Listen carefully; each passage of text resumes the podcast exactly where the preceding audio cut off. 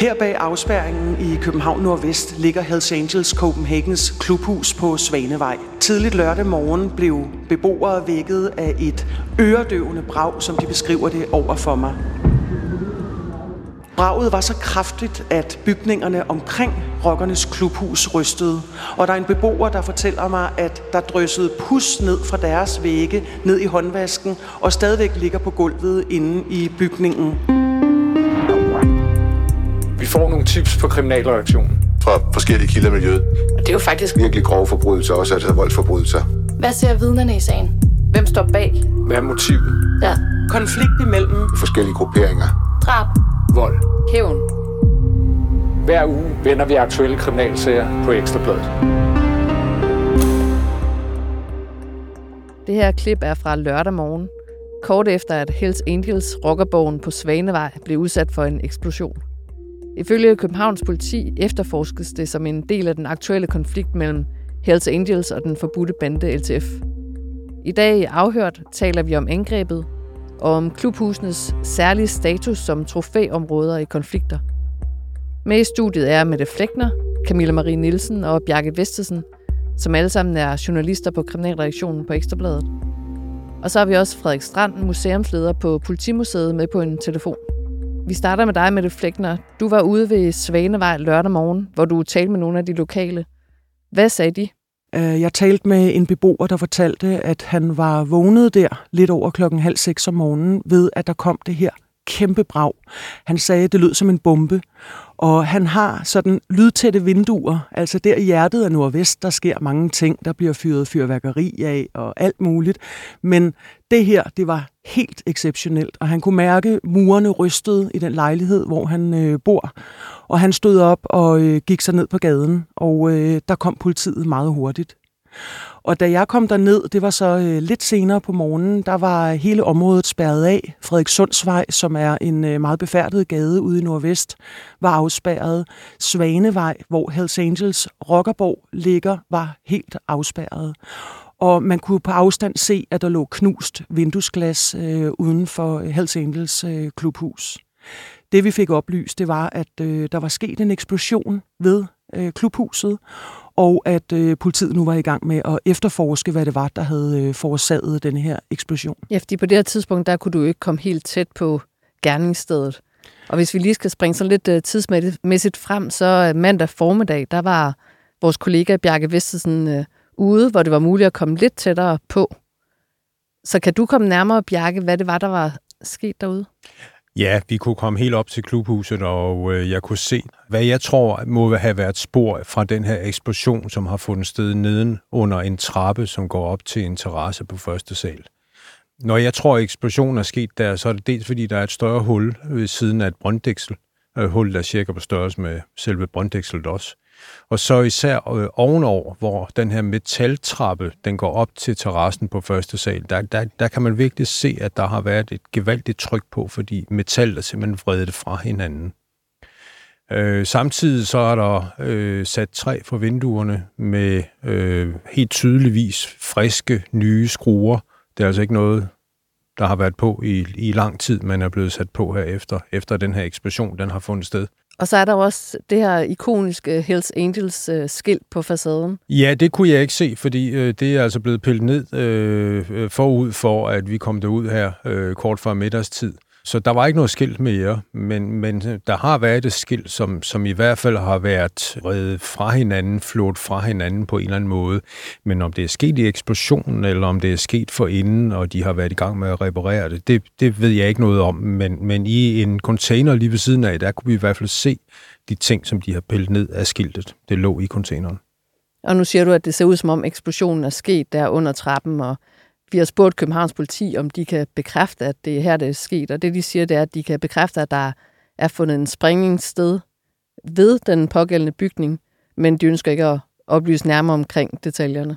Så vi ved altså ikke 100% at det er der, det er sket, men øh, der er tydelige spor, I, efter at der i hvert fald er sket noget. Der er i hvert fald meget tydelige øh, spor, der indikerer, at det der eksplosionen har fundet sted. Og Mette Flækner, ved vi, om der var nogen hjemme i klubhuset der lørdag morgen? Vi øh, fik oplyst af politiet lørdag morgen, at der i hvert fald ikke var nogen øh, meldinger om til skadekomst. Øh, jeg er lidt usikker på, om der har været nogen til stede.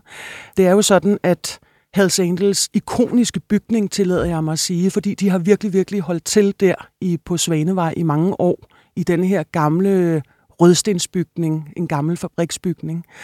Der er det jo sådan, at de normalt har vagter. Altså, der er nogen, der er til stede. Det har også været beskrevet gennem øh, Hells Angels øh, historik gennem årene. Det er også sådan, at hvis man øh, er i et konflikt mode, hvis man er i mode, som der var en kilde, der sagde til mig, så opholder man sig ikke i klubhuset. Men, men, men jeg har ikke, jeg er usikker på, om der faktisk var, øh, var nogen, men vi havde indtryk af, at det var tomt. Hvad er rockerborgen på, på Svanevej for et sted? Jamen det er jo nemlig, det er jo, vi er jo simpelthen i hjertet af det gamle arbejderkvarter Nordvest. Øh, Rockerborgen på Svanevej er en, øh, en bygning i røde mursten, så den opført i 30'erne, vil jeg gætte på, i øh, fire etager med hvide vinduer. Der har altid hængt det her meget store skilt, hvor der står Hells Angels Copenhagen, og så er der en øh, kæmpestor tagterrasse, hvor rockerne har øh, sociale arrangementer af forskellige art. Udenfor der er der sådan en grå mur med nogle øh, små pigge op på, men der er også en stor åben port og øh, noget parkeringsplads foran. Så det, det, vi har aldrig virket som sådan en, øh, et rockerklubhus, som var fuldstændig sådan spærret inde med pigtråd og øh, vild overvågning på den måde. Altså folk i kvarteret kan sidde og følge med i og kigge over på tagterrassen, når der er arrangementer, og, og så har rockerne jo som sagt øh, boet der faktisk, som jeg har fået oplyst siden øh, 97, og haft deres øh, klubhus der.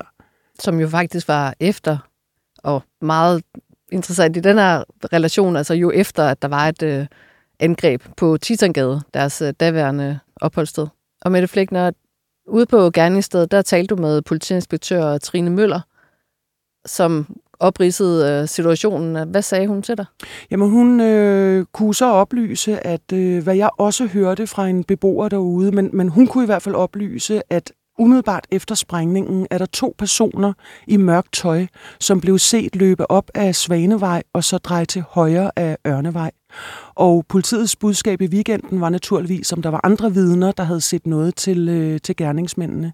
Jeg talte med en beboer, hvis øh, familie havde været øh, oppe lidt tidligt, og de hører også det her vanvittige brag. Altså det er virkelig sådan, at folk siger, ruderne dirrede. beboerens fortalte, der var faktisk pus, der dryssede ned af hans murstensvægge og stadig lå i håndvasken på, på badeværelset. Og øh, en i den familie havde set et øh, meget, meget ungt menneske løbe forbi også. Men om det er en af de gerningsmænd politiet, eller om det har været en anden, der løb, det ved vi selvfølgelig ikke noget om. Og sagde noget omkring baggrunden, hvad politiet mener er baggrunden for eksplosionen? Politiet sagde alene, at de anser det som et led i den konflikt mellem to grupperinger, som de har oplyst, der er til stede. De sætter jo ikke rigtig navn på, men, men det er jo så Hells Angels og LTF, som ifølge politiets konfliktvurdering er oppe at strides. Og det er jo der, hvor der er altså en række episoder, som kulminerer med drabet øh, i Pusher Street øh, af en ung Hells Angels prospect, som bliver dræbt ude i, i stjerneskibet. Ja, det talte vi også om i afhørt 1. september, det afsnit, der hedder Varme tider i København, hvor vi kommer nærmere omkring øh, netop øh, konfliktvurderingen og de episoder, der har været i den konflikt indtil videre ifølge politiet. Bjarke, da du var ude på Svanevej mandag formiddag, der mødte du øh, to mænd med relation til klubhuset. Hvad sagde de? Ja, den ene skilte os ud og øh, mente, at øh, præsten er med til at puste til ilden i en konflikt, som de jo ikke selv mener, de har med nogen. Øh, den anden var lidt mere talende. Øh, han, øh, han sagde, at vi er jo i sorg i øjeblikket, øh, og øh, derfor så synes vi, det er lidt anmæsende at komme her. Altså sorg efter I sorg drabet efter. ude fra Pusher Street. Præcis, på den 30-årige, der blev likvideret øh, for et par uger siden på Pusher Street. Øhm, og øh, den eksplosion, som, som der jo så fandt sted tidlig lørdag morgen, der, der forklarede han, at det anså de egentlig bare som drengestreger. Altså, jeg har talt med en uh, sprængstofekspert uh, kort før vi gik ind i studiet, og han siger, at det absolut ikke er drengestreger, det der ramte Hells Angels klubhus. Uh, det er Peter Hall, der er sikkerhedsleder ved Institut for Kemi ved Aarhus Universitet, og jeg sendte ham nogle detaljerede billeder fra øh, de skader, der er efter eksplosionen. Og han vurderer det selvfølgelig ud fra, at han kun har set billederne og ikke har været på stedet. Men han hæfter sig blandt andet ved, at man kan se, at der er knust betonbelægning ved et øh, brønddæksel under en ståltrappe, som så er blevet deformeret mere end en meter over ladningen. Og han siger, at fragmenter, der har øh, størrelse og hastighed til at kunne gennemskyde en jerntrappe på den måde, vil kunne være dræbende inden for øh, 25-50 meter og farlige helt ud til nogle 100 meter. Og han siger, at et forsigtigt gæt på en ladningsstørrelse, det vil være et halvt til et øh, helt kilo. Og at han siger, at der er knust beton på den måde, det tyder på, at der har været tale om regulært springstof, altså enten i form af en granat eller springstof i en eller anden indpakning, der har kunne øh, give fragmenter. Og han siger, at det kunne også være en rørbombe af betydelig størrelse, der har været brugt, men øh, det er helt klart ikke fyrværkeri. Øh, den øh, havde smadret 13 ruder, eller 13 vinduer, øh, i klubhuset. Øh, indenfor lå der glasgård, men ellers så var der ikke noget, nogen skade fra den eksplosion, der havde fundet sted. Øh, en anden ting, som han sagde, det var, at øh, de jo øh, ser diplomati som vejen frem med andre grupperinger. Øh, og han sagde også, at vi ønsker ikke en konflikt med andre grupperinger. Så når politiet de siger, at de efterforsker det her som en del af en igangværende konflikt, havde han en øh, holdning til det? Ja, det mente han ikke øh, var tilfældet, men, men øh, jeg henviste jo så til Københavns politi, som jo flere gange har slået fast, at der er en konflikt mellem to, mellem to grupperinger.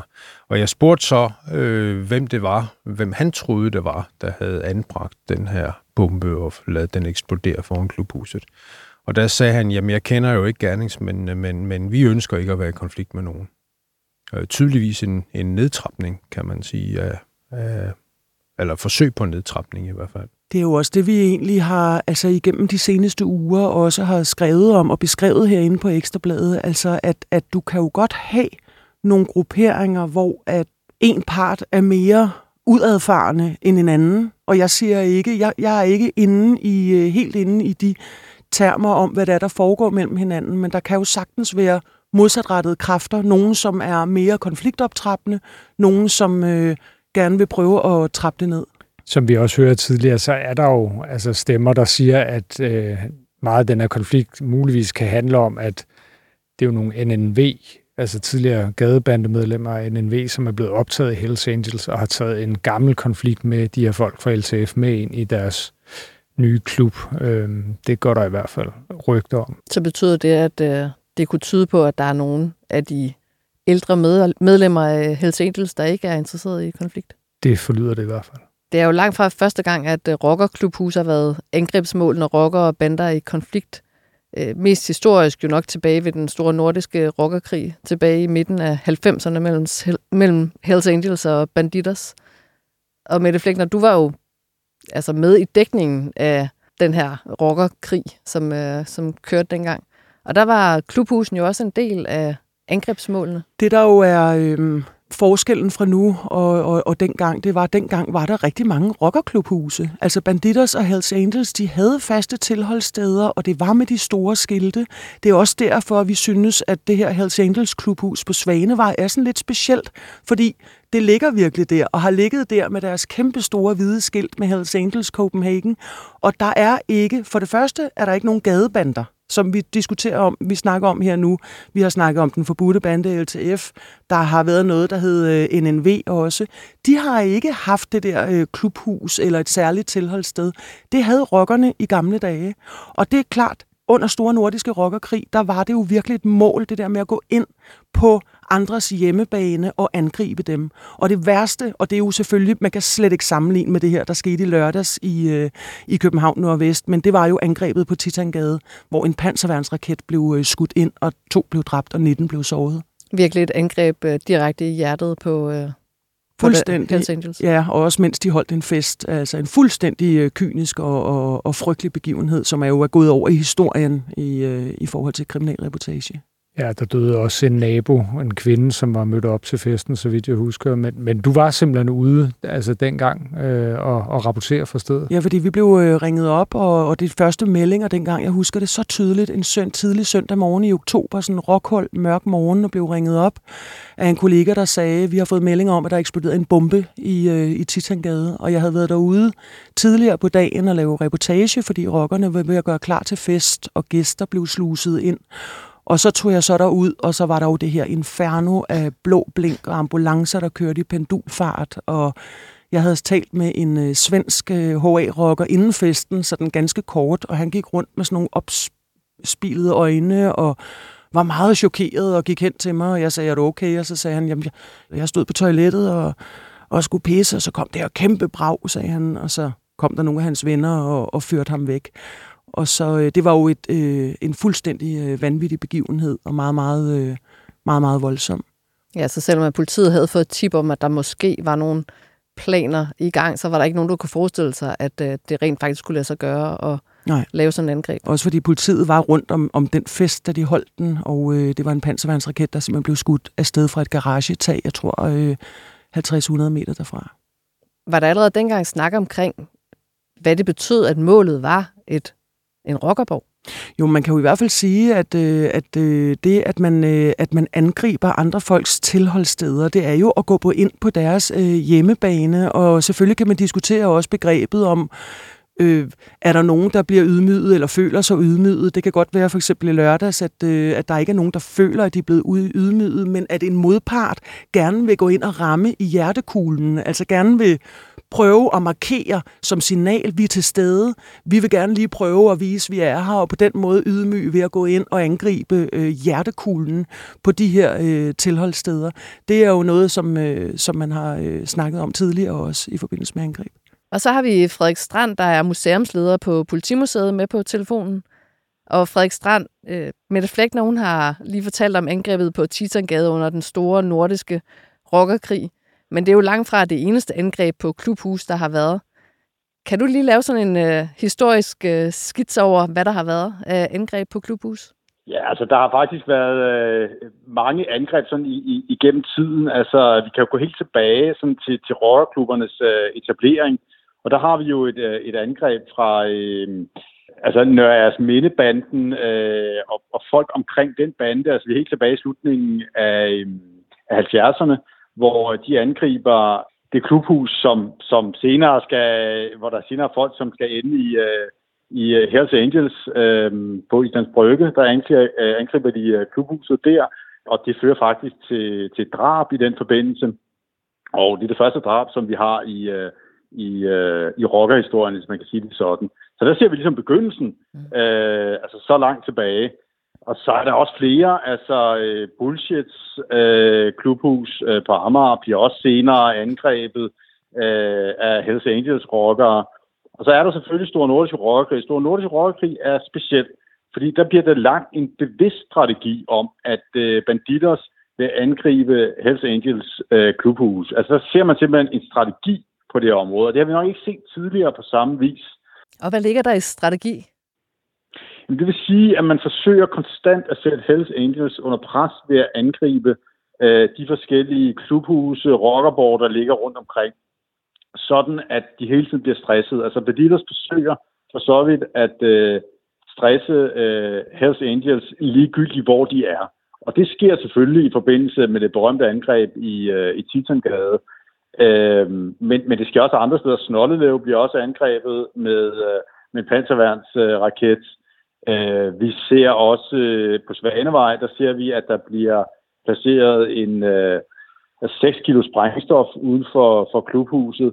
Så vi ser sådan mange forskellige steder, at øh, banditers øh, konsekvent forsøger at øh, ramme øh, Hells Angels ligegyldigt, hvor de er. De skal ikke vide sig sikre. Der ligger så også det i, den, i, i deres strategi, at de forsøger at vise, at det er dem, der er i kontrol. Altså, de sender et signal til Hells Angels ved at vurdere. Vi har også set det senere, altså det her med, at man forsøger at sige, I ved, hvor I er, vi kan også ramme jer der, hvor I føler, at I er, er sikre. Så, så det er det, man ser, og det er denne her strategi her, at man forsøger hele tiden at være på forkant, øh, forsøger at stresse den anden, og forsøger at vise, at man er i kontrol og dominans. Så det er simpelthen den betydning, det har haft historisk, at man laver de her målrettede angreb? Ja, det har det. Altså, man forsøger at vise den anden part, at øh, de kan ikke slappe af. De kan ikke, selv når de søger indenfor i deres huse, så er, så er man til stede og kan, kan ramme dem der. Så det er sådan en væsentlig øh, stressfaktor, når man angriber øh, klubhuser.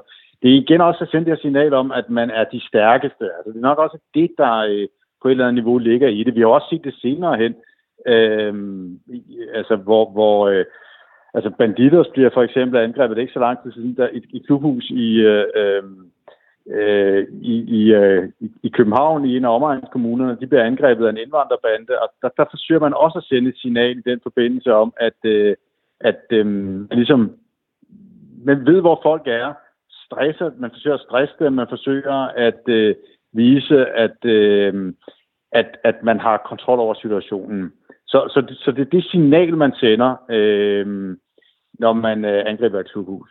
Og jeg tænker, der er billeder af et klubhus, der er smadret, eller et skilt, der er smadret, at det har en øh, meget stor visuel effekt? Altså det har det helt klart. Altså det er, altså for den gruppe, som bliver angrebet, der vil jeg vurdere, at det symboliserer et, øh, et kontroltab, og det symboliserer også en, øh, en ydmygelse, vil jeg sige, når man bliver angrebet på den, øh, på den façon. Fordi det er jo også et spørgsmål om respekt, kan man sige. Når man angriber den andens klubhus, så øh, går, man, går, går man meget offensivt ind på den anden gruppes øh, Øh, enemærker og øh, udfordrer øh, gruppen. Så, så, så, så det er det, det ligesom øh, viser ved de her øh, angreb.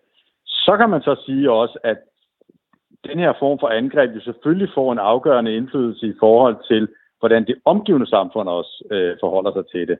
Øh, fordi for det omgivende samfund er det selvfølgelig også øh, forbundet med øh, stor bekymring, når der sker de her angreb på, øh, på klubhusene. Og det er jo også det, vi ser tilbage fra, øh, fra Store Nordiske Rockerkrig. Det, der sker i forbindelse med, øh, med, med, med Store Nordiske Rockerkrig, hvor man ser den her bevidste taktik øh, eller strategi fra, øh, fra Berlitters side, det er, at man angriber jo klubhus, som ligger øh, i områder, som, hvor der ofte er bymæssig øh, bebyggelse. Og det er jo også det, vi har set i, øh, her i weekenden. Øh, altså angrebet på Svanevej, det, det, det sker jo et område, hvor der bor helt almindelige familier. Øh, der er det helt almindelige øh, et, et, et dagligvarekæde, som, som holder til lige ved siden af. Øh, så det er klart, at, at øh, når, når sådan et hus, når der sker en bombeeksplosion, der bliver skudt panserværnsraketter af, eller hvad det nu er, der, der, der, øh, der forekommer, ja, så føler øh, det omgivende samfund sig jo øh, markant truet i forhold til øh, den her type af, af, af angreb. Så derfor så har det befolkningens og politikernes øh, opmærksomhed. Altså det er en eskalering, og det kan være en voldsom eskalering, når vi ser, at øh, klubhuset bliver angrebet. Og ofte så markerer det en, øh, en markant konflikt i, øh, i miljøet. Tusind tak for den øh, gennemgang, Frederik Strand, museumsleder på Politimuseet, hvor man jo i øvrigt øh, netop nu kan se en øh, spændende særudstilling om en helt anden særlig dansk sag, øh, nemlig sagen om Blekingegadebanden.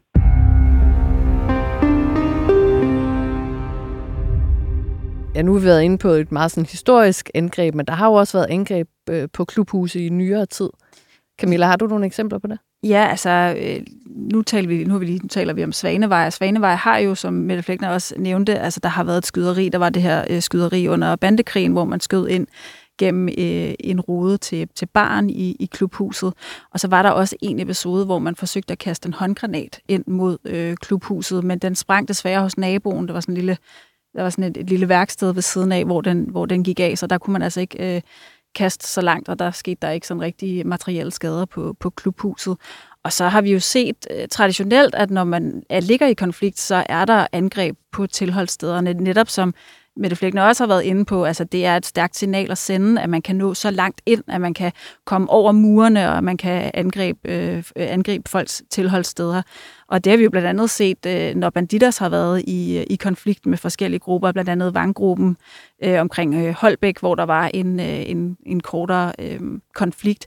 Der så vi nogle attentater på banditers klubhuse, øh, og så hvis man går helt tilbage, så har der også været et, et klubhus øh, tilknyttet banditter, som, som brændte næsten helt ned øh, i forbindelse med sådan et, øh, et konfliktattentat. Så det er jo noget, vi, vi har set før. Og så var der i 2021, hvor der var den her konflikt mellem banditter og NNV, hvor der var et højtstående NNV-medlem, der blev skudt og dræbt af en banditers rocker. Og der så vi jo også i, i perioden efter, at der var øh, forsøg på, på brandattentater. Og der så vi jo i hvert fald, at øh, politiet så gik ind og valgte, eller, og der så vi jo så, at politiet de valgte at lukke klubhusene.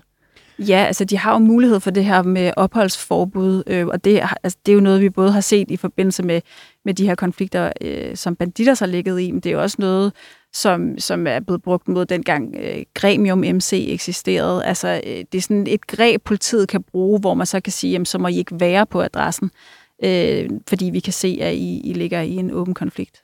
Og det er jo også derfor, altså jeg talte med, øh, med, med en kilde med indsigt i det her miljø om i weekenden også, at, at en modpart, altså hvis der er en konflikt, at det jo også handler om at genere hinanden så meget som muligt. Nu ved vi ikke, hvad der sprængte endnu. Det var formentlig ikke meningen, tænker man, at nogen skulle komme til skade. Men, men det her med, at man prøver at genere så meget, fordi på den måde kan en modpart også pludselig tage et andet våben i brug, der hedder politi og myndigheder. Og det vil sige, at hvis man går ind og laver så meget ravage hos en anden klubs øh, tilholdssted, så kan det jo ende med, at politi og myndigheder går ind og siger, jamen for en, som en tryghedsskabende indsats for de beboere, der bor omkring, så må vi nedlægge et forbud, så må I lade være med at, at være i klubhuset, eller at man kan risikere, at nogen bliver smidt ud. Så, så, så på den måde kan man også tænke, at nogle parter nogle gange tager det greb i brug. Og så står myndighederne pludselig og bliver måske lidt en part, fordi de skal så måske smide nogen ud fra et eller andet klubhus. Mm. Hvad kan man forvente, at modtrækket til det her angreb øh, bliver? Altså, jeg synes, vi skal passe på med at sidde og spå, øh, hvad der sker øh, som det næste træk i en bandekonflikt, men vi har været inde på det. Det er et seriøst signal at angribe et, et, et hovedkvarter for en, en rockerklub. Og så kan man sige, øh, øh Christian, du var jo lidt inde på det her med, hvad ligger der til grund for konflikten? Hvem er det egentlig, der ligger i konflikt med hvem? Er det Hells Angels og LTF, der, der, der kæmper mod hinanden? Eller er det en fraktion i Hells Angels, som nogle kilder peger på? Altså de her medlemmer af NNV, som er gået øh, er trukket i rockervesten, som slæber noget gammelt, måske nag med sig, og det er det, der nu hjemsøger Hells Angels i den her konflikt med Loyal to Familia. Altså, det ved vi jo ikke. Øh, men, men en ting er sikkert, det er jo klart, at man skal tage stilling til, hvordan vil vi reagere på det her? Er det drengestreger, som vi hørte Bjarke, han, øh, han sagde, at der blev nævnt derude, at der var tale om, eller er det et mere seriøst signal, som man bliver nødt til at reagere på? Og det er jo også derfor, som vi har været inde på også i afhør tidligere, øh, at der har været nogle episoder mellem nogle øh, folk, der er i hvert fald nogle øh, LTF-relaterede personer, der er fængslet for noget overfald, der fandt sted her i, i København tidligere på sommeren, men, men også at det er ikke nødvendigvis, at man i rock- er interesseret i at have en voldelig konflikt, fordi det ødelægger så meget for dem selv også, altså i forhold til øh, bare helt almindelig gøren og laden, og, øh, men også, hvad, hvad har man ellers gang i af forskellige ting, hvor det forstyrrer rigtig meget med sådan en konflikt. Så der kan jo meget, meget vel være stærke kræfter, som prøver at lægge låg på. Og det er en rigtig god pointe. Altså det, hvis vi skal øh, læner os op af det, myndighederne siger, at der er en konflikt mellem LTF og Hells Angels, så er der en konflikt imod, altså mellem en part, som intet har at miste, de er blevet gjort forbudte. Der, der er ikke noget at miste for dem. Og så er der den anden part, Hells Angels, som stadig er en lovlig organisation. De har alt at miste på den her måde. Også fordi rockerklubber jo er en, altså meget mere manifesteret i, i steder og insignia og, og veste og sådan nogle ting. Så, så det er helt klart, at på den måde, der ser vi jo en interessant konflikt, hvor at man fra Hells Angels side af for måske ikke er interesseret i at gøre så meget opmærksom på sig selv. Vi bliver i hvert fald klogere det næste stykke tid, hvor Justitsministeriet jo også har bebudet, at der kommer en ny bandepakke. Tak fordi I var med, og tak til vores lyttere, og tak til Rasmus Søgaard, som producerer programmet.